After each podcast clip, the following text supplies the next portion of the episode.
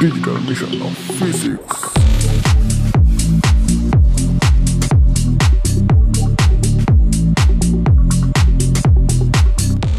Hello Digital Mission Physics podcast එකේ season 2 එකේ එපිසෙඩ් 2 තමයි අද පටන් ගන්න යන්නේ. මගේ නම තාරුකා. මම නදීශන් ඉතින් අදේශන් අපිට සති කිහිපයකින්ම පොඩ්කාස්ටයක් කරන්න බැරි වුණා නේද?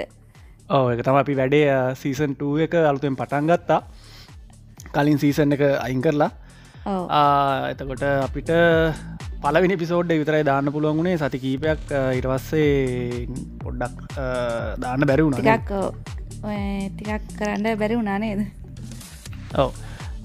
අපි ඉස්සරහට බලුම හැම සතියම එක එපිසෝඩ්ඩක් වගේ දාගෙන යන්ඩ මොකද දැන් කොහොමත් මේක ගොඩක්ම අපි ෆෝකස් කරලා තියෙන්නේ මේ අපේ ෆිසික්ස් වල. ගැන භෞතික විද්‍යාව තියෙන මූලික සංකල්ප. විශේෂයෙන්ම මේ ඒලෙවල් සිලබස්සගේ තියෙන සංකල්ප ටික කතා කරගෙන යනවා ඉස්සරහට. ඒක තමයි ෆිසික්සල අඩි අඩිතාලම. එතකොට ඕන කෙනෙක්ට ඒගැන ෆිසික්ස් කරන්න නැති කෙනෙක්ට වුණත් ඒලෙවල්වලට ෆිසික්ස් කරන්න නැති කෙනෙක්ට වුණත් මේ ඩිස්කෂන් එක අහලා එයාට පුළුවන් මේ තියෙන ෆිසික්සල තියෙන මූලික සිද්ධාන්ත ගැන අවබෝධයක් ගන්න. එතකොට එයාට පුළුවන් වෙනවා මේ අනිත් ඊට වඩා දැ උදාහරනැක විදිට අපි ඒලවල් ෆිසික්ස්ල කතා කරන්න ෑ නිකං හෝකින් රේඩියේෂන් ඊට පස්සේ කොන්ටම්ෙන් ටෑන්ගල්මට ඒවා ඒව කතා කරන්න. ඉතිං එතකොට ඒවා ගැන කවුරු හරි ඉගෙනගන්න කැමති නං එයාට ඉස්සල්ලාම මූලික සිද්ධාන්තටි කොළුව තියෙන් ඕනේ. එතකොට තමයි අරටික හොඳට ග්‍රහණය වෙන්නේ. ඉතිං ඕනෑම කෙනෙක්ට මේ පොඩ්කාස්ට් එක අහලා ෆිසික්සල තියෙන මූලික සිද්ධාන්තටික ඉගෙන ගන්න පුළුවන්. ඒ වගේම ඒලෙවල් ෆිසිස් කරන ළමයින්ට යාලගේ යාලා එදිනෙදා ක්ලාස්සස් වල ස්කෝලේ ඉගෙන ගන්න දේවල් මේක ශ්‍රවණය කිරීම මේක අහපුහාම අපහු මතක් කරගන්නත් පුළුවන්. අපේ අපේ මේ ප්‍රධානම අරමුණ වෙන්නේ මේක මේ ගොඩක්ම ඒලෙවල් කරන ළමයි අතර ඒ ළමයින්ට මේ ටිකක් ජනප්‍රිය කරන එක තමයි. ඔව ඒ කියන්න ඒ ළමයිට උද උදව්පකාරයක් කර උදව් උදව්වක් වෙන විදිහට එයාලා ඉගෙනගන්න දේවල් එදිනෙදා ජීවිතය එකැනෙ උදාහරණයක් විදිට කලිනුත් අපි ගිය සති කලින් සතියත් කතා කරා මේ ගොඩක්ම ළමයි ඔය මේ ක්ලාස් වලට එහෙම යද්දි බස් එක යන්න සෑහෙන වෙලාවක් ගත කරනවා. ඉතිං ඒ වගේ වෙලාවට යාලට පුළුවන් මේ පොඩ්කාස්ට කහගෙන යන්න. ඒකින් යාලට පුළුවන් කලින් සතිවල යාල පා- පාඩන් විදිට ඉගෙනගත්තු ඒවා. ඒවනිකම් මතක් කරගෙන යන්න. එතකොට ඇත්තරම යාලගේම අරමේ කටිනිවිටිය කියන එක කියන්නේ අකණ්ඩතාවේ පවත්තාගෙන යන්න පුළුවන් යාලට පාඩම් වල. සහ යාලර මේ ගොඩක් ආසාාවෙන් ඉන්න සබ්ජෙට් එකක් ගැන මේ පරිකල්පනය දියුණු කරන්න හැකියාව තියෙන වනේද මේ කහගෙන අද පොඩ්කස් ඔව ඒක තමයි. ඒ කියන්නේ දැ ෆිසික්ස් ගොඩක් අයට මේ ඔය බයලෝජි කරන එහෙම ළමයි ගත්තොත් බයලෝජි කරන ළමයි එහෙම ගොඩක් මේ ෆිසික්ස් එපා වෙලා වගේ නික නීරස සබ්ජෙක්්ටක් විදිර තම ඉගෙන ගන්න ගොඩක් කලාවට ඉතිං ඔය මේ අපේ ක්ලාස්සලට එහෙම එනායගේ මම මුලින්ම ඒ කියන දේවල් තමයි ඒ සං ඒ එහෙම ඔල්ලුවේ තියෙනවා නම් මතයක් ඒක අයින් කරන්න ඕනේ. අපි මේක මේ මේ සබ්ජෙට්ටගෙන් කරන්නේ දිනදා ජීවිතේ අපිට දකින්ඩ පේන්ඩ තියෙන දේවල් අපි මේ විග්‍රහ කරන්න යන එක විද්‍යාත්මක ක්‍රමයක් ඇසුන විග්‍රහ කරන්න යන එක තමයි මෙතන කරන්න. ඉතින් මේ හරිම ප්‍රායෝගික විෂයක් හෙන ආසාාවෙන් ඉගෙන ගන්න පුළුවන්. හැබැයි ඒක ඒ විදිහට ඔළුවට ගණ්ඩුවනි. ඉතින් මේ වැඩිය කතා බහ කරන්න නැතු අපි අද වැඩේට යමුණේද ඔව අද ටොපික් එකට යන්. අද අපි කතා කරන්න යන්නේ ප්‍රධාන වශයෙන්ම ඔය මේ යාන්ත්‍ර විද්‍යාව ෆිසික්ස් වල තියෙන ප්‍රධාන මාතෘකාවක් තමයි යාන්ත්‍ර විද්‍යාව මැකැනික්ස් ඔන්න ඔය මාතෘකාවේ තියෙන චලිතය පිළිබඳව මෝෂන් චලිතය පිළිබඳව මූලධර්ම ටිකක් තමයි අපි කතා කරන්න යන්නේ. අ, අපි හෙනම් වැඩේ පටන් උද පටන් ගමනේ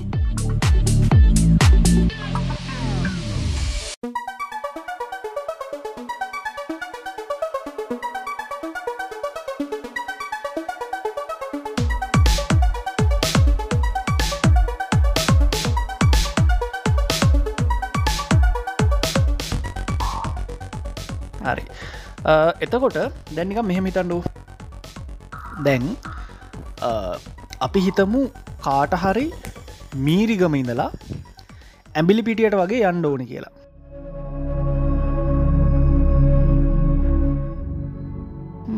හරි. එතකොට එයාට මීරිගමිදල ඇම්බිලි පිටයට යන්න පුළුවන් මාර්ග කීපයක් මට කියන්න පුළුවන්.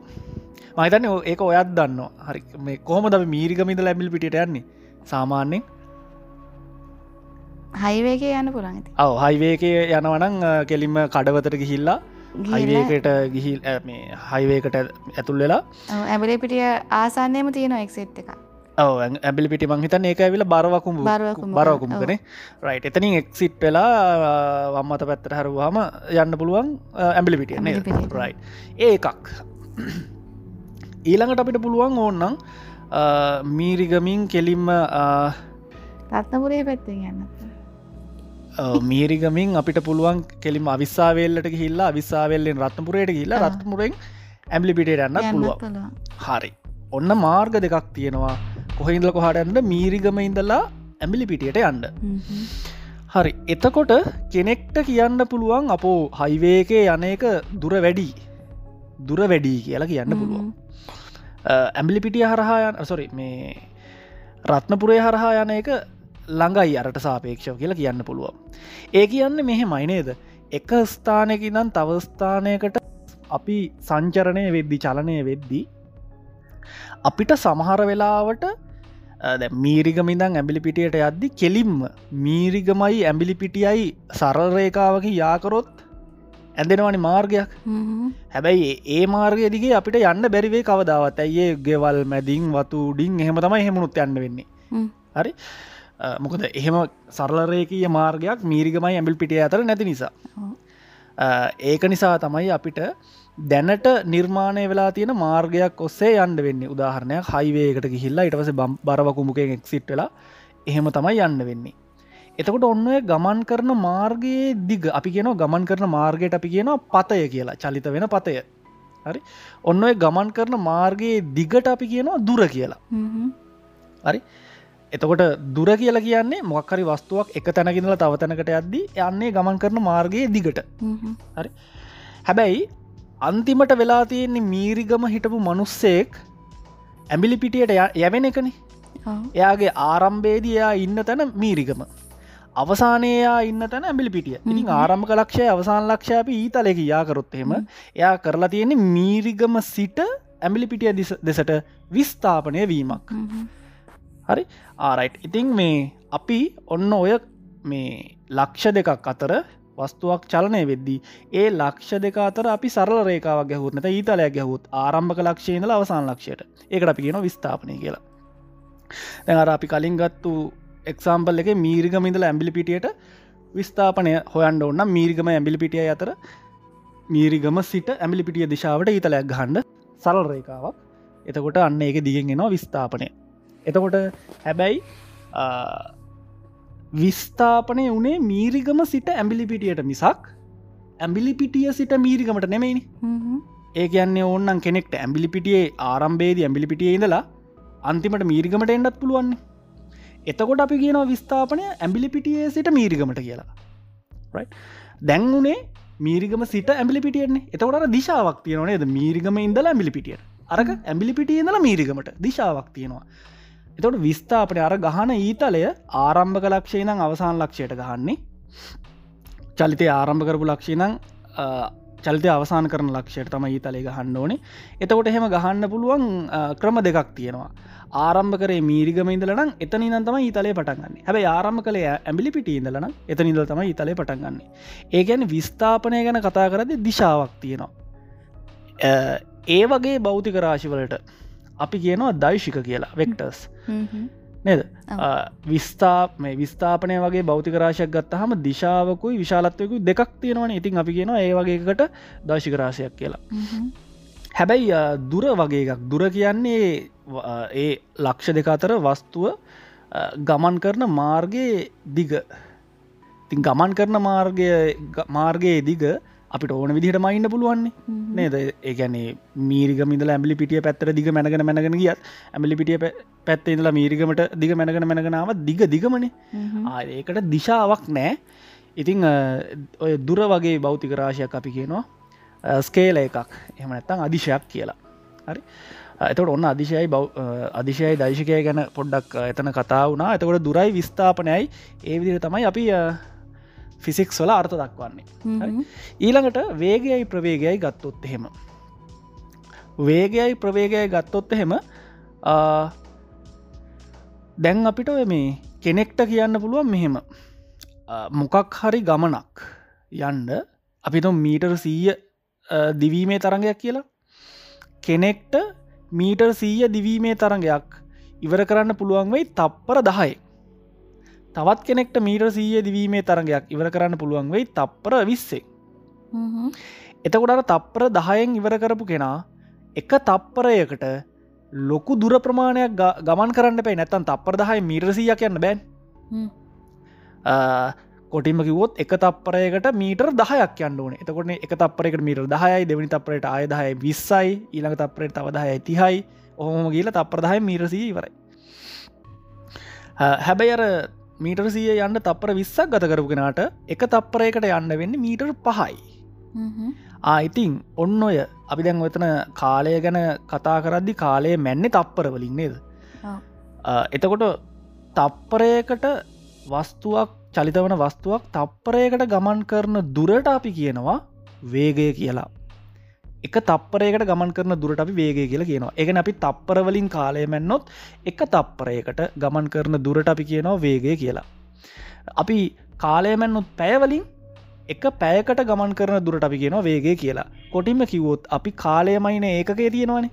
අන්නේ ඒකකයෙන් ඒකක කාලයකට ඒකකින් එකකට ඒකක කාලයකදී ගමන් කරන දුරට අපි කියනවා වේගය කියලා. ඔය වගේම අපිට ඔන්නන් කියන්න පුළුවන්න්නේද එක තප්පරයකට නැත ඒක කාලයකට ඒ වස්තුව වෙන විස්ථාපනය කොච්චර කියල හොයන්නත් පුළුවන්න්නේද අන්න ඒකක කාලයකට ඔය වස්තුවක් වෙන විස්ථාපනයට අපි කියනවා ප්‍රවේගය කියලා. එ විස්ථාපනය දර්ශකයක් එනම් ප්‍රවේගයක් දර්ශකයක් දුර අදිශයක් ඉතින් වේගයක් අදිශයක්. හරි.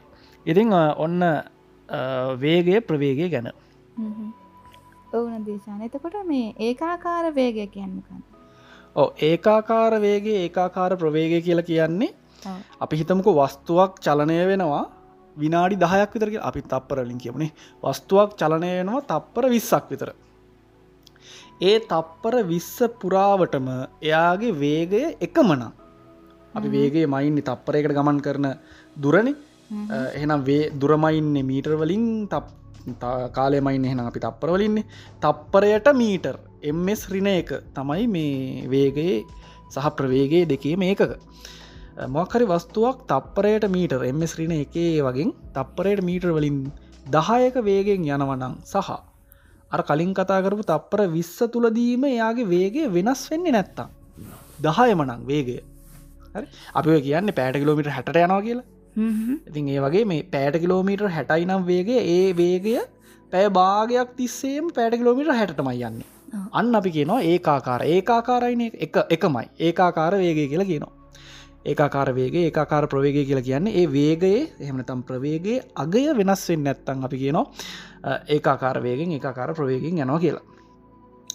එතකොට දැන් හැබැ ප්‍රවේගය වගේ ගත්තහම ප්‍රවේගය ඇවිල දයිශකයක් ඉතින් ප්‍රවේගය වෙනස්සෙන් නෑ එහෙමනත ඒකාකාර ප්‍රවේගෙන් යනවා කියලා කිව්ව හම එයාගේ විශාලත්වය වෙනස්සෙන්න්නත් බෑ. පෑට කිලෝමීටර් හැටයිනම් හැටම තමයි. ඒවගේ ප්‍රවේගේ දයිශකයක්න දිශා වෙනස්සෙන්න්නත් බෑ. මොකද දිශාව වෙනස් වනත් ප්‍රවේගේ වෙනස් වනා වෙනවා. විශාලත්වය වෙනස් වනොත් ප්‍රවේගේ වෙනස් වනාවන වෙනවා. මොකද හේතුව මේ ප්‍රවේගේ කියනකට විශාලත්වයකුයි දිශාවකුයි දෙකක් තියෙනවා. දෙක එකක් හරි වෙනස් වනොත් ප්‍රවේගේ වෙනස් වුනා ඒකාකාර නෑ තේරුණද ආරයිට තොට ඒකාකාර ප්‍රවේගයක් කියලා කියන්නේ එන විශාලත්වයයි. ප්‍රවේගේ විශාලත්වයයි. එක පැට කිලෝමිට ගාන නැතන් තපරට මීට ගාන කියලාපි අගයක් කියන්නේ අන්නේ විශාලත්වයයි. දිශාවයි දෙකම වෙනස්වෙන් නැත්තං අපි කියන ඒකාකාර ප්‍රවේගෙන් යනවා කියලා. එක ඒකාකාර ප්‍රවේගය නම් ප්‍රවේගය වෙනස් වෙද්දි අපි මොකක්ද කියන්නේ? ප්‍රවේ මොකරි වස් මොකරි දෙයක් වෙනස්සෙනවා කියන එක කියන්නේ මොකක්ද ඒකින් කියන්නේ මොකක්ද වෙනස් වෙනස්වීම කියලා කියන්නේ මොකක්ද ඒකැන එක්කො ප්‍රවේගය වැඩි වෙන්ඩෝනේ හෙමනත්තං ප්‍රවේග අඩුවෙන්ඩ ඕන කියන කරනේද කියන්නේ? එතකොට ප්‍රවේගය වැඩි වෙනවා. අපි බලාගනිද්දි පෑට කිලෝමීට හැට ඉනම් හැත්තෑ වෙන අසු වෙන අසු වෙන අනුව වෙන ප්‍රවේග එන්ඩෙන් එෙන්ඩෙන්ට වැඩි වෙනවනම් අපි ඒකට කියනවා තොරණය වෙනවා කියලා. ඇක්සලරේෂන් හරි? තොරණය වෙනවා කියලා කියනවා. හරි ඊට පස් ඒවගේ ඉතින් වෙනස් වෙනවා කියලා අනි පැත්තර කියන්න පුළුවන්නේ ප්‍රවේග අඩු වෙනවා කියනක හැට හැට පණහ වෙනවා පණහා හතලිය වෙනවා හතලිය තිය වෙනවා. ආරයිට් ඉතින් අපි ඒකට කියනවා මන්දනය කියලා. ඩීසල්රේෂන් හරි? ඉතින් මේ තොරණය සහ මන්දනය කියන කතන්දරෙන්නේ ඔන්න උතනදී. ප්‍රවේග වෙනස් වෙනවනම් වෙනස් වෙනවා කියන එක තේරුම එක්ක වැඩි වෙනවා නැත්තන් අඩු වෙනවා. ඉතිං ප්‍රවේගේ වැඩි වෙනවන අපි කියනවා තොරණය වෙනවා කියලා ප්‍රවේගේ අඩු වෙනවන අපි කියනවා මන්දනය වෙනවා කියලා. එතකොට නදේශාන් මන්දනය කියනකටද රිනතරණය කියල ඔව මන්දනය කියනකට තමයි රින තෝරණය කියලා කියන්නේ. රයිට එතොට දැම අහනාය බලයි මේ තාරුකා මේවා ගැන නිකන් නොදන්නවා වගේ කතා කරන්න ඇයි කියලා. අපි ඒකත් කියමුණේද ඇයි ඇත්තරම ඔයා දන්න නැද්ද කියලා කියන කියමු අපි. ඔවුන දේශාන් මේක මෙහෙමයි මේ. මම ඉතිං මේ වච්චන ඇහුවේ මම ඕලෙවල් පන්ති ඉදිනේ තකට මම උසස් පෙලට සහ මවුන් විශ්වවිද්‍යාලට විද්‍යාලට ගියත් ආට් සබ්ජෙට් කරලා ඉතිං ටිකක් මතකත් නැහැ. ඒ සතමයි මම මේ ආය අයහන්නේ ඔව ඒක තමයි. නෑ ඒක හරි. දැන් ඉතිං ඕක සාමාන්‍ය දෙයක් දැන් අපි මේවා ඇතරම ඔයත්වරණය මන්දනය වේගය ප්‍රවේගය විස්ථාපනය ඔය කතන්දර ඔක්කොම ඉගෙන ගන්න ඕලෙවල්ලට සාමාන්‍ය වෙලට ගෙන ගන්නවා ඉතිං මේ ගැන තවදුරටත් ඉගෙන ගන්න පුළුවන් ඒලෙවල්ලට සයින් සබ්ජෙට් කරොත්. ඉතිං එහම සයින් සබ්ජෙට් කරලා නැති කෙනෙක්ට ඉතින් මේක ඉතින් ඕලෙවල්ලට එනකම් විතරයි කරන ඉතින් ඒ අයට කොහොමත් මේ දේවල් වචන විදිහට මතක තියෙනවා ඇති. එතකොට අර්ථ දැක්වීම විදිට හෙම ලොකොට මතක නැතු ඇතික සාමාන්‍ය දෙයක්නේද රයි හරි. ඉතිං මේ ඔන්න එතකොට මන්දනය තොරණය ඒ කතන්දර ටිකත් හරි. එතකොට දැන් මේ දැන් අපිට මෙහෙම දෙයක් ඕන්නන් කරන්න පුළුවන්. අපිට ඕන්නන් ඔය මේ මො කවුරු හරි ගමනක් යනවා කියලා හිතන් ඒ ගමන යන කෙනා ආරම්භ කරපු ලක්ෂයක් තියනවනි ගමන පටන්ගතු තැනත්ති නොනේ අන්න එතන ඉදං එයා ගමන් කරන දුර එහමනත එයා ගමන් එයාගේ විස්ථාපනය අපි හිතමු යා එක සරල රේකාවක් දිගේ යන්න කියලා. හැරවෙන්නේ එහෙම නෑවංගු එහෙම පාරක නෙමේ යන්න කෙලින් තනි කෙලින් තියෙන පාරක යන්න කියලා පිහිතමු එතකොට අර දුරයි විස්ථාපනය කියලා දෙකක් එන්නෑනේ ඇයිඒ අවසාන කරන ලක්ෂයයි ආරම්භ කරන ලක්ෂයයි අතර තියෙන මාර්ගයත් සරල රේකාවක්ම තමයි. එහෙනම් ගමන් කරන්නෙත් ඒ ආරම්භ ලක්ෂය අවසාන ලක්ෂයයි අතර ඇඳපු සරලරේකාව දිගේම තමයි. ස්ථාපනය කියන්න ඉතින් කොහොම ආරම්භ ලක්ෂණ අවසාන ලක්ෂයට ඊතලයක් ඇඳොත් සරලරේකාවක් ඇඳොත් ඒක දිගන. රයිටතකොට දුරයි විස්ථාපනය වෙනස් වෙන්නේ නෑ ඉතින් මන් දුරකිවත් එකයි විස්ථාපනය කිවත් එකයි දැම්මතිරින් පස්සේ කැන දැම් මෙහෙමයි පුද්ගලයෙක් යනවා. එක තැනකින් ගමන පටන් ගන්නවා. සරලරේකාවත් දිගේ තව තැනකට යන්න යනවා. ඉතින් අපි එයාදිහා බලාගනින්දලා අපිට පුළුවන්නේ මේ විස්ථාපනය කාලයත් එක්ක එයාගේ විස්ථාපනය. කාලයත් එක්ක වෙනස් වන හැටි ප්‍රස්ථාරක අඳන්න.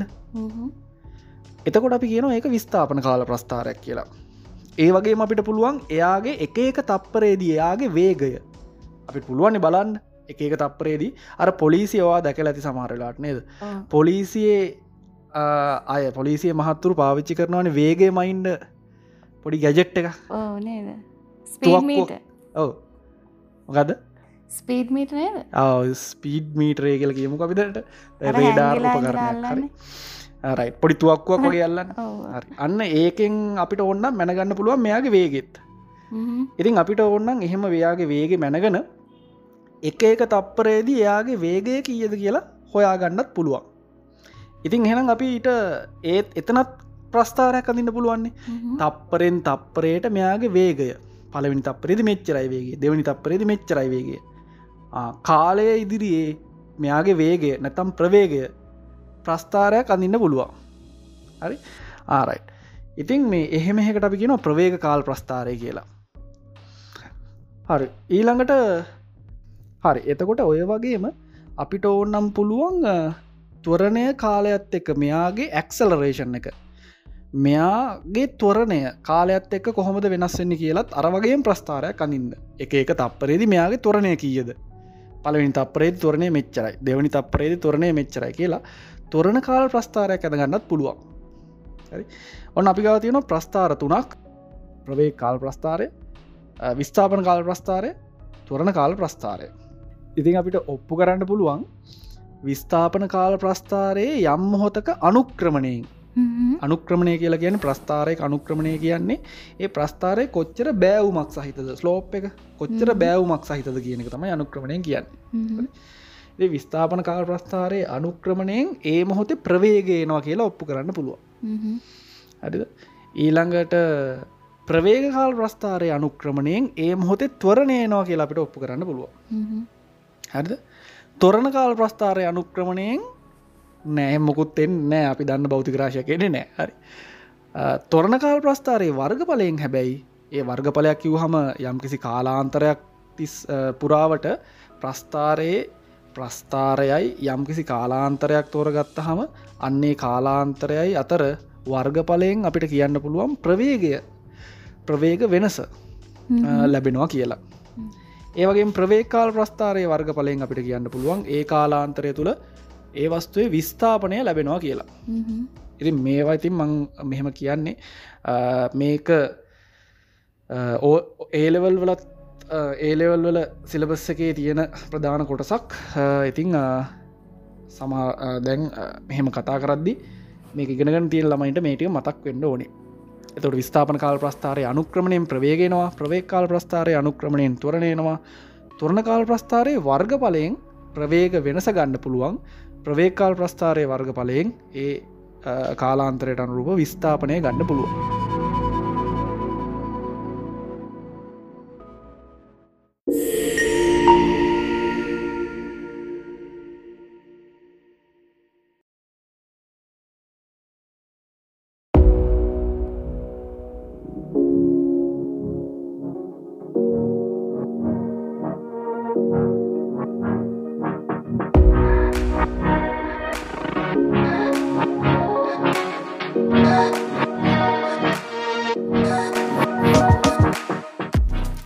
දේශන එතකොට අපි අද ටොපික් එක්ක මූලික දේවල්ටික කතා කරලා තියෙන හරි.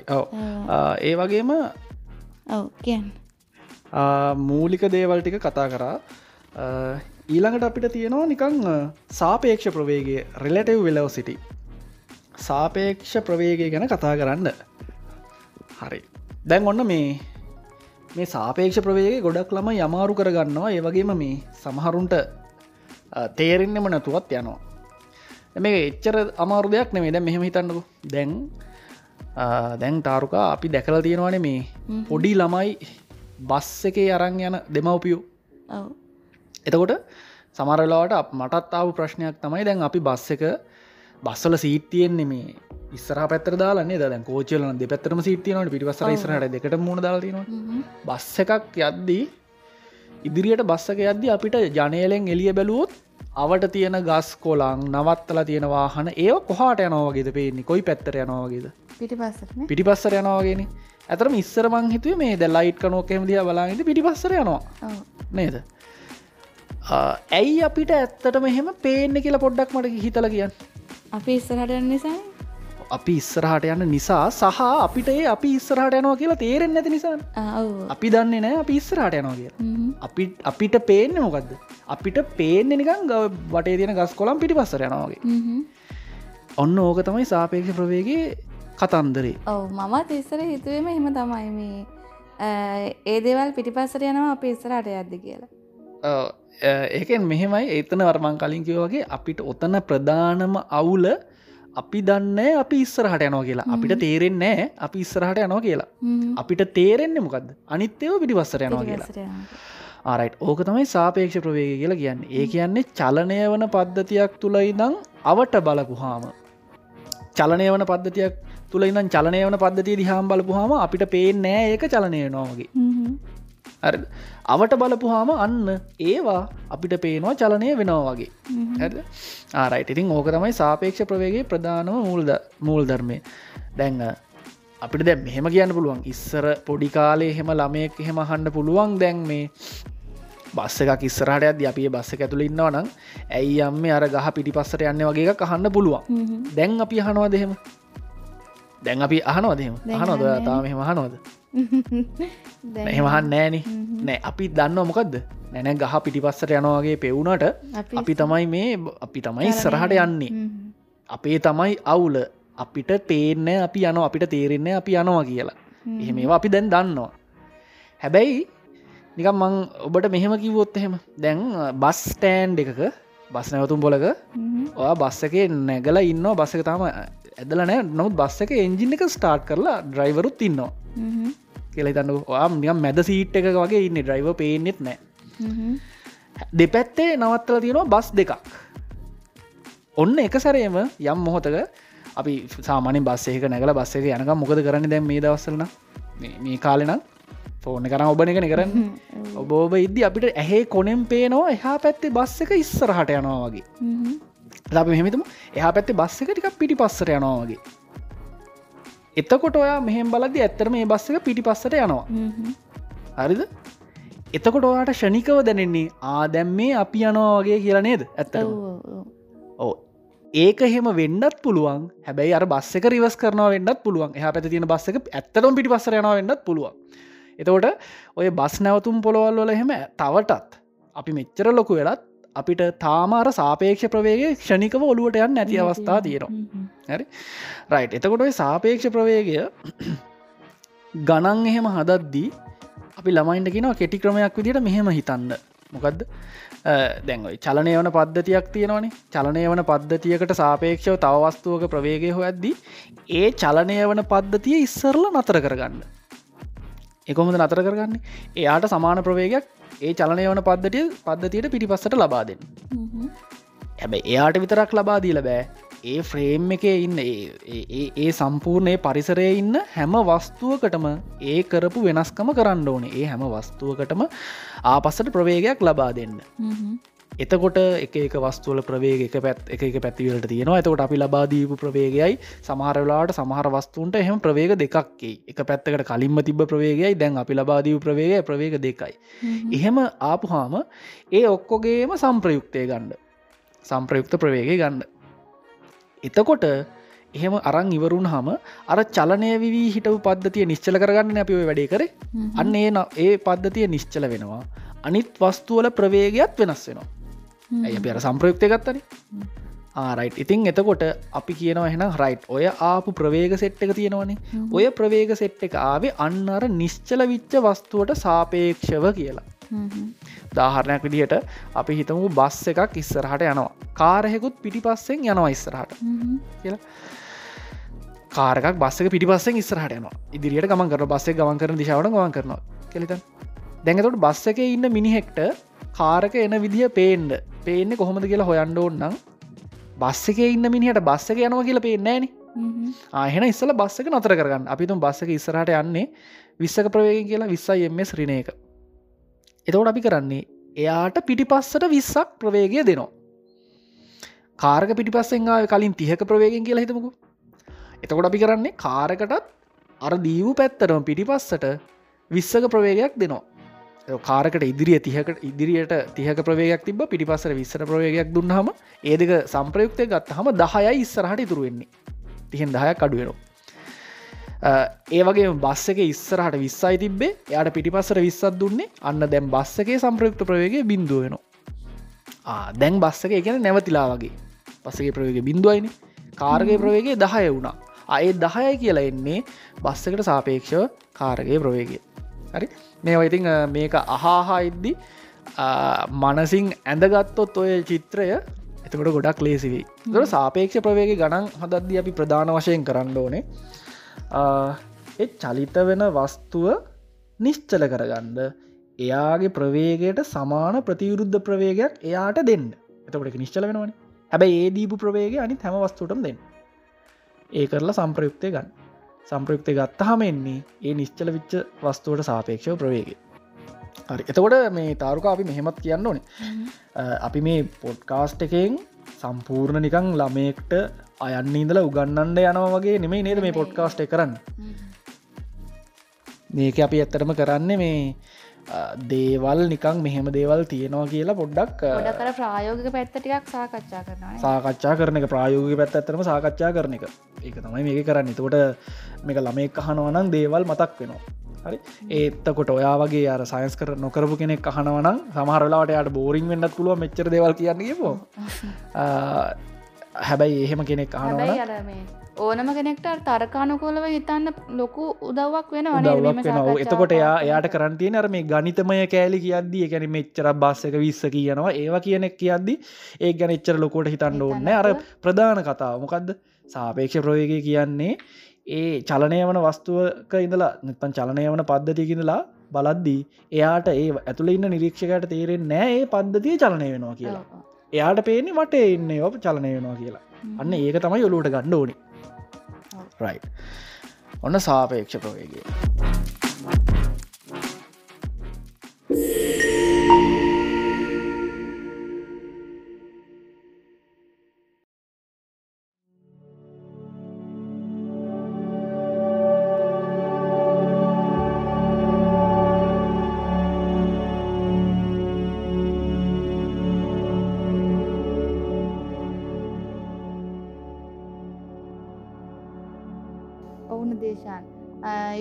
පාඩංගලදී අපිට කියන්න තියෙනෙ ප්‍රක්ෂිප්ත ගැන නේද? ඕ ප්‍රක්ෂිප්ත ගැන තමයි කිය කතා කරන්න තිය නීළඟට ප්‍රොජෙක්ටයිල්ස් ප්‍රක්ෂිප්ත කියලා කියන්නේ ප්‍රක්ෂිප්ත ගැන පොඩ්ඩක් කතා කරන කලින් දැන් මේ මෙහෙම කියන්න පුළුවන්. දැන් මේ අපි දන්නවා මොකක් හරි අපි ආදිකාලයේම ගත්තු දිගටම අරංගෙන උදාහරණයම ගමුකු. ඇපල් ගෙඩියක් කියද්දිම දන්න මොකක්ද කියන්න නිකල් මොකක්ද කියන්න ඇනමම අර අන්න එක තමයි. ඇපල් ගෙඩියක් නැට්ටෙන් ගිලි වුණහම පොළොව දෙසටම චලනය වෙන්නේ ඇයි කියන එක ඉස්සරයි නම්ම කතාවිච්ච දෙයක්. ඇයි ඇත්තරම දැන් ඇපල් ගෙඩියක් නැට්ටෙන් ගිලිහුණාම පොළොවට වැටෙන්නේ? ගුරුත්තා කරශනය ගුරුත්වාකර්ශණය නිසා. රයි් ඒ ගැන්නේ පොළොව දිශාවට මේ මේ නිවටන් කියන විදිහට හරිද? නිවටන්ගේ ගුරුත්වාකර්ශණ නියමයට අනුව පොළොව කියන්නේ පොළොව කියන විශාල ස්කන්දය විශාල ස්කන්දය නිසා ගුරුත්ව ශේෂත්‍රයක් ඇති වෙනවා. හෙම කියලා විස්තර ගොඩක් තියෙනවා. රයිට එතකොට පොළොව කියන විශාල ස්කන්දයට අනිත් ඒ ස්කන්දය අසල් තවත් ස්කන්ද තිබොත් එහෙම ඒ ස්කන්ද දෙක ආකර්ශණය වෙනවා. පොළොත් ලොකු තඩි ස්කන්දයක්නේ ඇපල් ගෙඩිය කියනෙත් පොඩි ස්කන්දයක් ඉතින් ඒ ස්කන්ද දෙක අතර ආකර්ශණ බලයක් තියෙනවා කියලා නිවටන් කියනවා ආරයිට ඒ කියන දැන් අපි දන්නවන කාන්දමකට තව කාන්දමක් තිබොත් විකර්ශණයක් වෙන ආකර්ශණයක් වෙන විදිහට අදාගන්න පුළුවන් අපට නේද? අර මේ ඇලෙන් එකට. ඉතින් ඒ වගේ තමයි අපිත් දැන් ගත්තොත් එහෙම මේ පොළොවට ඇලිලා ඉන්නේ. හරි?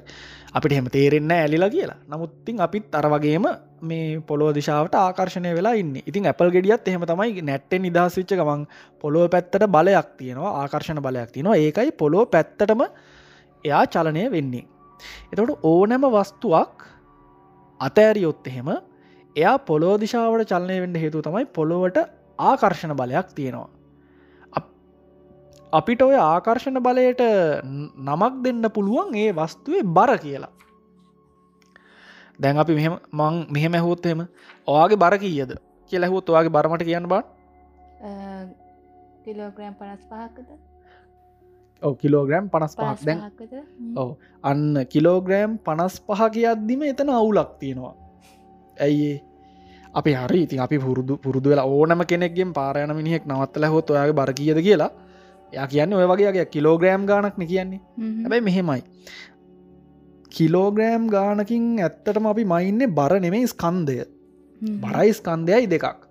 බර කියන්නේ බලයක්.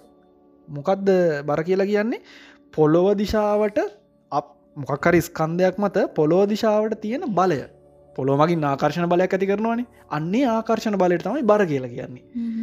බලයක් මයින්න මොනවගෙන්ද ඔයා දන්න විදිට කියන්න බා. බලයක්? බලයක් ඔව. නිවටන් වලින්නේ ඔවු නිවටන් වලින් මයින්නේ. ඒ ඒටික මතකයි නද? රයි් නිවටන් වලින් තමයි බලයක් මනින්නේ එහෙනම් බර කියන්නෙත් දැන් ඔය කියන විදිට බලයක්නේ. පොලෝ දිශාවර්ති ආකර්ශණ බලන තින් බලය මයින්නත් මේ බරමයින්නත් ඕන එහෙන නිවටන් වලින්. ඔවු. දැන් ඔයාගේ ස්කන්දය පනස් පහයි කියලා කිවන කිලෝග්‍රෑම්. හෙනම් ඔයාගේ බර හොයාගණ්ඩ අපිට කරන්න වෙන්නේ ඔයාගේ ස්කන්දය අපි ගුරුත්වජ තුවරණයෙන් ගුණ කරනවා. අපි මේ මට්ටමේදී ඒ ගුණ කරන එකට අපි කියන්නේ ගුරුත්වජ තුවරණය කියලා. හැබැයි ටිකක් යද්දි අපිට ඒක තේරනවා එක ගුරුත්ව ගුරුත්ව ශේත්‍ර තීවෘතාවය කියලා හරි? හැබැයි දෙකම එකයි. ගුරුත්ව තොරණය ගුරුත්ව ශේෂ තීවෘතාවයයි දෙකම සමානයි. අපිට ඒවා ඔප්පු කරලා පෙන්න්න පුළුවන් පස්සේ. හරි? ඉතින් මේ නැත්තං ළමෙක්ට මෙහෙමයි. දැන් ඕනම දෙයක් අපි අහගෙන ඉද්දි ඇයි එහෙම වෙන්නේ? කියන ආය ප්‍රශ්නයක් තියෙන් ඕනි. ද උදාහරණයක් විදිට මංකිවොත් එහෙම අපිට අර බලය ගණ්ඩ පුළුවන් ඔයාගේ ස්කන්දය ගුරුත්වජ තොරණයෙන් ගුණ කරලා කියලා. මේ ඇයි මේ එහෙම ගන්න කියලා කෙනෙක්ට අහන්න පුළුවන් ඉන්ඩෝනි හරි? ඉතිං දැන් අපි සාමාන්‍යෙන් ස්කන්දය කිලෝග්‍රෑම් පනස් පහයි නම් අපි සාමාන්‍ය ගනි ගුරුත්වජ තුරණය දහය කියලා ආසන්නව නැත නමය දශමටයි එකයි. ඉතිං අපි දහයක් කියල ගත්තොත් ආසන්නව ඔයාගේ ස්කන්දය පනස් පහ වනාට එනම් බර පන්සිය පණහයි නිවටන් වෙන්ඩෝනි ඔන්න බර පන්සිය පණහයි නිවටන්. ඉතිං මේ ඔන්න ඔය වගේ බලයක් නිසා ඔයාව පොළොවට ආකර්ෂණය වෙලා ඇදලා තියාගෙන ඉන්නවා. හරිද? රයි් ඉතිං මේ ඕනෑම වස්තුවක් මත අන්නේ බර කියන බලය ක්‍රියාත්මක වෙනවා. ඉතිං අපි මෙහෙම කිවොත් වස්තුවක් මත බලයක් යෙදුවොත් එහෙම ඒ වස්තුව ඒ බලය යොදපු පැත්තට ත්වරණය වෙන්ඩෝනි හරිද? ඉතිං මේ හැම වස්තුවක්ම පෘතුවිය අවට චලනය වන හැම වස්තුවකටම ඔන්න ඔය බලය යටතේ තමයි චලනය වෙන්න වෙන්නේ. අපි නිකන් ගල් කැටයක් උඩ දැම්මොත් නිකං කොහොම එකක්ද වෙන්නේ? අතින් ගල් කැටයක් උඩදානවා එතකොට? එයා උඩට ගිහිල් ආපහු වැටෙනවන්නේද එයා උඩටුඩ ගිහිල්ලා උඩට උඩ ඇති ප්‍රවේගේ වැඩිවෙයිද ප්‍රවේග අඩු වෙනවද? අඩුවේන අඩු වෙනවා. ප්‍රවේගේ අඩු වෙනවා. අඩු වෙලා අඩු වෙලා අඩු වෙලා අපිට පේනවා එක තැනක දයා නිශ්චල වෙලා ආපහු හැරලා වැටනවා. නේද එක තැනකද නිශ්චල වෙනවා. එතන නවතිනවා. නවතිලා ආපහු පොලෝ පැත්තට හැරිලා ආපහු වැටෙනවා. ආයිතිං ඒකට හේතුව හැම වෙලේම එයාගේ මත පොලෝ දිශාවට බලයක් තිබ්බා. ඒක නිසා එයා උඩට යද්දි එයා මන්දනයෙන් ගිය. ආපව් එතට මන්දනය අධි ප්‍රවේගේ අඩු වෙනවා. අඩු වෙලා අඩු වෙලා අඩුවෙන්ඩ පුළුවන් උපරිමගේ බින්දුවයින නිශ්චල වෙනවා. නිශ්චලු නාම තාමර බලය තියෙනවා. කෘත්තාකර්ශණ බලය බර ඒක තියෙනවා. ඒක නිසා හැරිලා අප පොලෝදිශාවට නවා හරි? ආරයි් ඉතිං අපිට කියන්න පුළුවන් එහෙනම් ඔය වස්තුව ගුරුත්වජ තොරණය යටතේ නැතන් ගුරුත්වය යටතේ තමයි ඉහලට පහලට ගම ඉහලට සහ පහු හැරලා පහලට ගමන් කරේ කියලා. එතකොට ඔය ගුරුත්වජ චලිතය ගණන් වගේ හදද්දි ඒකයි අපි අර එයාගේ තොරණය ගුරුත්වජ තොරණය විදිහට දහයයි එම ශ්‍රීණය දෙක කියලා ගන්න. හරි? ඉතිං මේ එතකොට හැමවෙලේ අපි මත මතක තියාගන්න ඕනේ වස්තුවක් පොළොව ඉඳලා උඩ දැම්මොත් එහෙම ප්‍රවේගේ අඩු වෙලා අඩු වෙලා අඩු වෙලා බින්දු වෙලා අප පල්ලහැට වැඩි වෙලා වැඩි වෙලා වැඩි වෙලා පොළොවට වැටෙනවා. අපි මෙහෙම කියනවා. වාත් අපි දැම් අත අරගෙන අත අරගෙන මොකරි දකුණු අතරි වම්ම තරයි අරගෙන වේගෙන් මෙහෙම චලනය කරොත් වේගෙන් චලනය කරොත්ත හෙම අපිට තේරෙනවනේ අපේ අතට නිකං හුලම් බදනවා කියලා කියෙන් වචන හල්තිරන හුලම් බදනවා කියලගේ හුලම් බදනවා කියන වාතයෙන් ප්‍රතිරෝධයක් ඇතිවෙනවානි චලනය වන දිශාවට ප්‍රතිරෝධ බලයක් ඇතියෙනවා ඉතින් මේ ඒ වගේ වාත ප්‍රතිරෝධයක් තියනව ගල් කැටේටත් උඩදාන ගල් කැටේටත්. අපි හිතුවොත් එහෙම වාත ප්‍රතිරෝධය නොසලකා හැරියොත් එහෙම උඩට අපි කියන්නේ උඩ දානවා කියලා කියන්න ඒක අපි මේ හොඳට කියනවන කියන්නේ ප්‍රක්ෂේපනය කරනවා කියල ප්‍රජෙක්් කරනවා. උඩට ප්‍රක්ෂේපනය කරොත් එහෙම ගල් කැටයක් උඩට ප්‍රක්ෂේපනය කරද්දි ඔය වාත ප්‍රතිරෝධය නැත්තං ඒ උඩට ප්‍රක්ෂේපනය කරපු වේගය හරියටම සමානයි. එයා උඩට ගිහිල්ල අප පොලොට වැටදි වේගයක් තියෙනවන. අන්නේ පොලෝට වැටෙන වේගේට ප්‍රක්ෂේපනය කරපු වේගේ හරියටම සමානයි. හරිද? ආරයිට් ඉතිං මේ ඒ වගේ තමයි ගුරුත්වය යටතේ ඉහලට සිරස්ව ඉහලට සහ සිරස්ව පහලට චලනය වන වස්තු චලිත වෙන්නේ. වැඩේ කියන්නේ හැමවෙලේම මොක්වත් මොකක් හරි වස්තුවක් කරගෙන සිරස්ව උඩටම දාන්න ඔන්නෑන දැ උදාහරණයක් විදිට යග්ගුලිය හෙල්ල කවපෙත්ත වගේ ඒවා ඒවත් ගුරුත්වය යටතේ විසි කරන වස්තුනේ යගුලිය වගේ එක හරියට උඩට දාන්න අපි. නෑන ආනතියකින් තමයි දාන්නේන ආනතියකින් තමයි දාන්න. යගුලිය වගේ එකක් විසි කරන්නේ ආනතියකි හැම වෙලේම ඉතින් එතනදි වෙන්නේ අපි ඔය යගුලියට දැහිතන්ට ඔය යගුලියක් විසි කරනවා යගුලියට අපි ආනතව ප්‍රවේගයක් දෙනවා කියලා කියන්නේ. ඒ අපි දෙන ප්‍රවේගේ සිරසට ප්‍රවේග සංරචකයකුත් තියෙනවා තිරසට ප්‍රවේග සංරචකයකුත් තියෙනවා. අර සිරසට තියෙන ප්‍රවේග සංරචකයට සිරස්ව පල්ල හැට තියෙන ගුරුත්වජ ත්වරණය බලපාන නිසා ඒ ප්‍රවේගේ එන්ඩෙන්ඩ එන්ඩෙන්ඩ එන්ඩෙන්ඩ අඩුවෙනවා හැබැයි තිරසට කිසිම තොරණයක්වත් බලයක්වත් මොකුත් නෑ ඒ නිසා තිරස්ව තියෙන ප්‍රවේග සංරචකය එහෙම්මම තියෙනවා. ඒක නිසා මේක නිකං ඇඳල බැලූත් වගේ තේරෙනවා.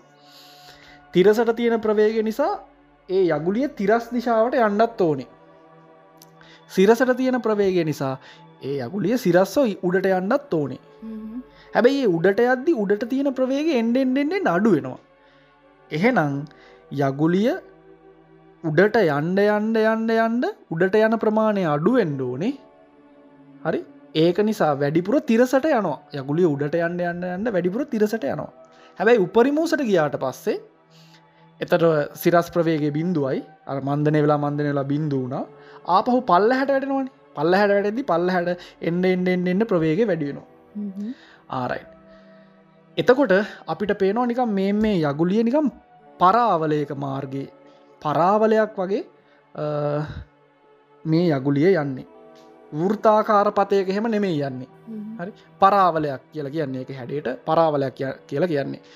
අන්නේ වගේ හැඩේක තමයි ප්‍රජෙක්් අයිල් එකක් යන්න. තම් ප්‍රක්ෂිප්තයක් යන්නේ. ඉතින් ඔය ප්‍රක්ෂිප්ත සම්බන්ධව තියෙනවා එක එක දේවල්. ප්‍රක්ෂිප්තය යන උපරිම උස. ප්‍රක්ෂිප්තේ තිරස් පරාසය කියලා කියනවා. ප්‍රක්ෂ දැන් උදාහරණයක් විදියට යගුලිය වගේ යගුලිය විසිකිරීම වගේ තරගයකදී දිනුව දෙන්න කාටද වැඩිම දුරක් වැඩිම දුරක් යගුලි දාන යගුලිය දාන කෙනාට. ආරයි ඔය යගුලිය යන දුරට තමයි කියන්නේ තිරස් පරාසය කියලා. තිරස්ව ගමන් කරන දුර. අරණ කතා.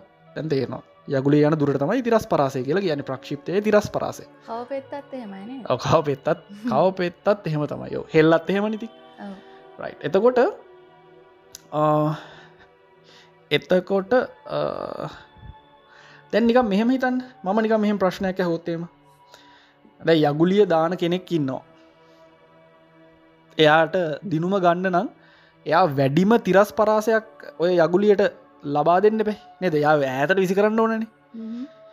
ඉතිං මේ එයා අනිවාරෙන් එහෙම දිනුම ගණ්ඩ ඕන නිසා එයා අනිවාරෙන් එයාගේ තියෙන උපරිම ශක්තිය පාවිච්චි කරලා යගුලිය විසි කරන එක කරන්න. එකන එයා යගුලියට අතින් ලබා දෙන ප්‍රවේග ඊට වඩා වැඩි කරන්න බෑ. එක එකන සරල කතාව. තවත් ප්‍රවේග වැඩි කරන්න පුළුවන් ඇති වැඩි කරලම යවනවා නතකොට තවත් දුරක්යයින එතකොට එයාට එයා දාන උපරිම ප්‍රවේගෙන් තමයි යගුලිය යවන්නේ. ඊට පස්සේ යගුලිය ඉතින් අපිට ඊට පස්සෙක් මෙහෙම කියන්න පුළුවන්න්නේද යගුලිය අපිට කියන්න පුළුවන් යගුලිය යවන ආනතිය අපිට වෙනස් කරන්න පුළුවන්නේ. හරියටම තිරස්ව අතාරිනවා. එමතන් පොඩ්ඩ අංශක තියක විතර ආනතියකින් අතාරනවා. අංශක හැටක විතර ආනතියකින් තවටියක් උඩට යන්න අතාරිනවා. සිරස් ඔහලට යගුලිය දාන්න හෙමුණුත් එතනම් පල්ල හැට බීමට වැටනවාන. ඔලු උඩ තම යගුලියතකට හරි. එතකොට මට නිකං හිතලා කියන්න. යගුලිය උපරිම දුරකට යන්න නම් කොච්චර විතර තිරසට ආනතියකින්ද යගුලිය යමන්්ඩෝනි ඒකනම් හිතාගන්න අමාරය. ඔව. එතවට පෙන්න්න පුළුවන් යගුලිය හරියටම අංශක හතලිස් පහක ආනතියකින් තමයි යවන්ඩෝන තවට තමයි උපරිම තිරස් පරාසයක් ලැබෙන්නේ. ආරයිට ඔය වගේවා අපි ඒලෙවල් වෙල කතා කරනවා. ඔය යගුලිය කතන්දරේ තිරස් පරාසේ උපරිම වෙන්නනම් කොහොමද? කොච්චර කෝනයක් ආනත වෙන්න ඕනද? ඒ කතන්දර ඉතින් කතා කරනවා. මං හිතන්නේ මේ කහනයටත් මතක ඇති. රයි් ඉතිං ඔන්න එතකොට ප්‍රක්ෂිප්ත සහ ප්‍රධාන චලිතය ගැන අපි අද කතා කරා. හරිතකොට මේ මම හිතනවා මේකින් මේ මේවා අහලා දේවල් මෙනෙහි කර කර දැන් ඒලෙවල් ළමයෙක් නං ඔයා මේටික අහලා ආ මේවා පිගෙනගත්තන ආරයිට් මේටිකන මෙදායිගන්න මෙහෙම මෙහෙම කිව්වන කියලා ඒ දේවල් ආපහු මෙනෙහි කර කර මේකත් එක්කම වගේ ගමනක් කියන එකක් නම් හෙමයි නැත්තන් අනිත් වැඩක් කර කරන්න ඕනන් හෙමයි ඒටික කර කරගන්න හරි?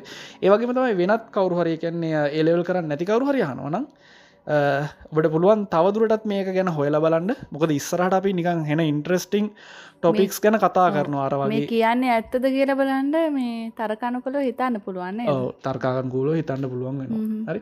මොකද දැන් මේ දවස්සල ඔබ- ඔබ දකින්න ඇති සමාජ මාධ්‍යවල යනවා මේ පෘතුවිය ගෝලාකාරද පැතලිද කියලා තැටියක්ද කියලා එහෙම තර්කත් යන අවස්ථාවක් මේ. එතකොට ඉතින් හෙන කනගාටුවක් තියෙන්නේ මගේ නම් මේ. දැන් සමාජයේ තියෙන සංවාද ගැන. සෑහෙන කාලෙකට කලින් ඔය තැටිය කියන සංකල්පය අතඇරල දාපු කාලෙක ආයෙත් ඒක අපහු ඇදල ගන්නවා මේ සංවාදයට. ගැන ගොඩක් අය දැන් ගොඩක් අය සංවාද කරනවා ඇත්තටම තැටියක්ද වගේ එක හරි? ඉතින් මේ ඒකට හේතුව ප්‍රධාන ප්‍රධානම හේතුව තමයි මේ භෞතික විද්‍යාව නත විද්‍යාත්මක සංකල්ප ගැන මම හිතන විදිහට දැම් ලංකාවේ දැනට ලංකාවේ ගොඩක් අයට ලොකු දැනුමක් නෑ තරමක් දැනුවක් තියෙනවා ලොකු දැනුමක් නෑ ඉතින් ඒ විද්‍යාත්මක සංකල්ප ගැන හොඳ අවබෝධයක් තියෙනවනම් අර විදිහ තර්කදාන්න නෑනේද ඔවු නේද? ඔව්, ඒක තමයි. ඉතින් මේ හරි. එතකොට ෆිසික්ස් ගැන අද අපි ඔත්තන ඔය ඔය මට්ටමෙන් අතර කරමු.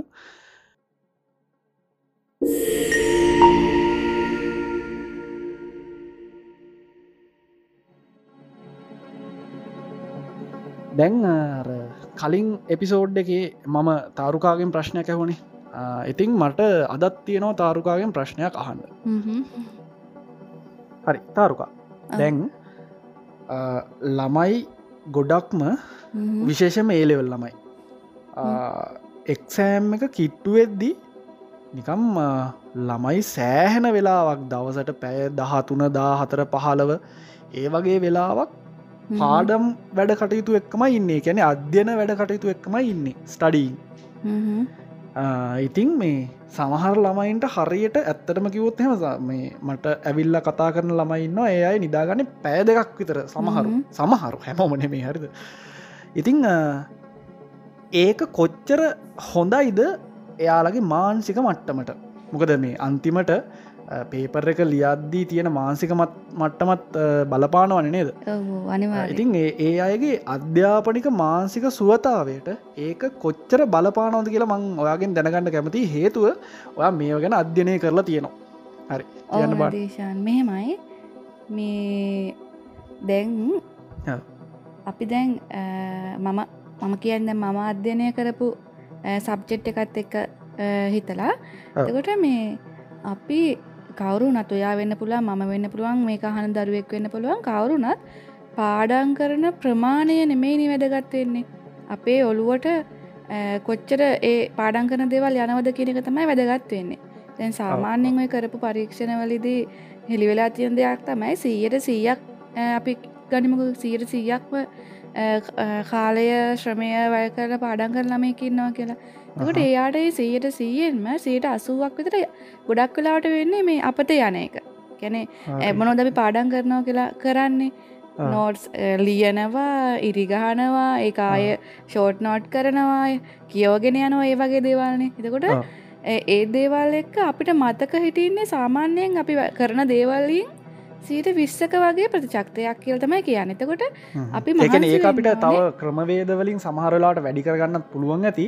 සාමාන්‍යෙන් අර වගේ ප්‍රමාණයක් සීට විස්සක් තමයි මතක හිටින කියලා කියන්නේ. තමයි මේ ඔළුවට යනවා කියලා කියනෙක් නැත්තං අපේ මතකට යනවා කියලා කියන්න. එතකොට අපි උත්සාහ කරන්න ඕනේ අපිට යන සීයට විස්ස යන්නේ මොන ක්‍රම- ක්‍රමවලින්ද කියන ටිකක් හොයාල බලන්න ඕනේ එතකොට කොච්චර පෑගානක් පාඩන් කරත් වැඩක් නැහැ. තමන් අඳුන ගන්න ඕනේ තමන්ට මොන විදිහට වැඩකරොත්ද මතක හිටින්න කියන එක ගැන. හරිද? දැන් එතකොට එක්- සමහරයට දැන් සමහරය කියනවා දැන් උදේ පාන්දර නැගෙට පාඩන් කරහම මතක ඉන්නවා කියලා. හැබැයි හැමෝට මේක හරියන්න නෑ නේ? අද අපි කතා කර සාපේක්ෂතාවාදය ගැන. එක හැමෝටම සාපේක්ෂ නෑ. තකොට මේ එක එක්කෙනාට තියෙන එක එක පුරුදු සහ මේ එක එක්කට ආවේනික වූ ලක්ෂණන. තකොට තමන් මුලින්ම අවබෝධ කරගන්න ඕන තමන්ට වැඩිපුර මතක හිටියන කොයි විදියට පාඩන් කරොද්ද කියනෙක් ගැන. එතකොට කෙනෙක් කියවන මම පැයි දාගන්න පෑඩකයි නිදාගන්න ඉතුරු ඔක්කම පාඩන් කරනවා කියලා. එක ඉතින් එයාගේ කැන යා එතකොට නින්ද කැප කරනවනේ තකොට ඒක ඇත්තටම සාමානෙන් අපි දන්න දෙයක්තම පැය හයක් හරි හතක් හරි අනිවාරෙන් දවසකට නිදා ගන්න ඕනේ අපි මොලේට විවේකයක් අපි දෙන්න ඕනනේ. තකොට මේ ප්‍රධානම දේ තමයි විවේකයක් නෑ කියන්නේ මමනං හිතන්න එළමයට ඒ පාඩන් කර දේවල් මේ කොහොමත් යට යන ඇති කෙලෝලුවට මොකද යා මහන්සි වෙනවනි සෑහෙන්න මතකේ තියෙනවා කිය අතතියම් ගොඩක් ස්ට්‍රෙස්සනවා එහෙම ළමයි ගැ මුලින්ම අර අපි කියන ගැම්මින් වැඩ කරනවා කියලා. එම වැඩකරගෙන වැඩකරගෙන වැඩකරගෙන ගිහිල්ලා හරිම මහන්සි වෙලා කිසිම හරිට කෑම බීම ගන්න ඇතු නිදාගන්න නැතු එම වැඩ කරලා ළමෙක්ට ඇත්තටම ඒක එයාට එහෙම වැඩ කරා කියලා ලොකු දියුණුවකට ඇත්තන් හොඳ රිසාල්ටයකට යන්න අමාරි මම දන්න විදිරෙන හොඳම දේ තමයි තමන්ට වැඩ කරන්න පුළුවන් වෙලාව තෝරගෙන තමන් වැඩ කරන ක්‍රමය හරියට අවබෝධ කරගෙන ඔයා පැයක් නම් පාඩන් කරන්නේ. අන්නේ පැය පාඩන් කරන දේ හොඳට ඔළුවට දාගන්න පුළුවන් විදිහට වැඩ කරනක තමයි හොඳම දේ. ස්ට්‍රෙස්සයකුත් නැතුව හොඳ රිසල්ටයකට උනත් යන්න ඒ ක්‍රමය හොඳටම ප්‍රමාණවත්. මම දන්න විදිහට හරි හරි හරි.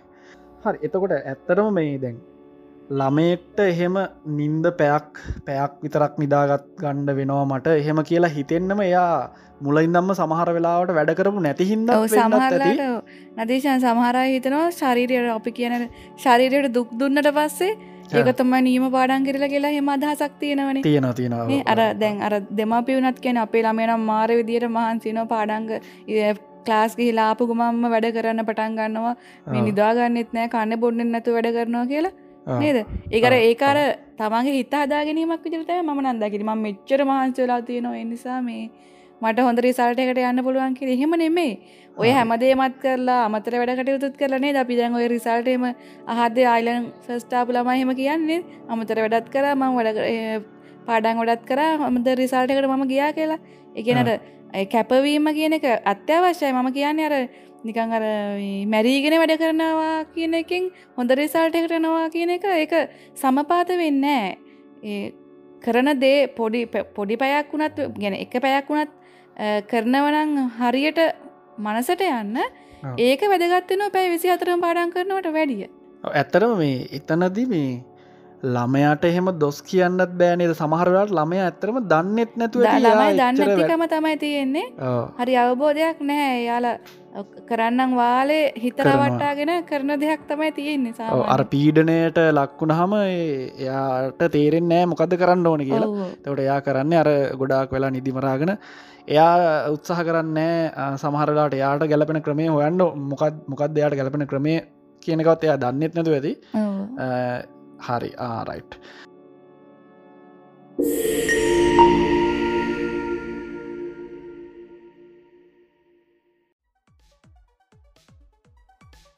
හරි ඉතිං හරි එතකොට අදට තියෙන ටොපික්ස් ටිකත් කතා කර. තාරුකාගෙන් ප්‍රශ්නයත් ඇහවා. එහෙනම් අපි වැඩේ නතර කරුණේද ඔවුන දේශන් එතකොට ඩිජිටල් මිෂන් ෆිසිස් කියන මේ අපේ වැඩ සටහන් මාලාවේ ෆේස්බුක් පේජ් එකේ සහ YouTube චැනල එක ලිංක්ස් පහර දාලා තියෙනවා. ඉතින් ඒවගේම ටෙලිග්‍රම් ගරුප් එකකුත් තියනනේ ටෙලිග්‍රම් ගරුප් එකෙත් ලිංක්ස් පල්ල හදානවා ඒ ඔක්කොම ලිංක්ස් අර පල්ලහ මේ පල්ල ඇතින් ඩිස්ක්‍රපෂණ එක අපි දානනේ දානවා. ඉතිං හැමෝටම ආරාධනා කරනවා සම්බන්ධ වෙන්න කියලා අප වැඩ සටහන්න එක්ක වල් ලොකු දැනුමක් ලබාගන්න හැකියාව තියෙනවා එතකොට. ඉතිං ඩිජිටල් මිෂන් ෆිසික්ස් පොඩ්කාස්ට් එකේ සේසන්ටුව එකේ එපිසෝඩ් ත්‍රී එකත් එක් අපි ආයකතුයමු හරිනම් අපි ගිහින් එන්න. ඔයාල හැමෝටම සුබදවසක් මම තාරුකා ප්‍රබෝධනය මම නදීශංගුණ වර්දන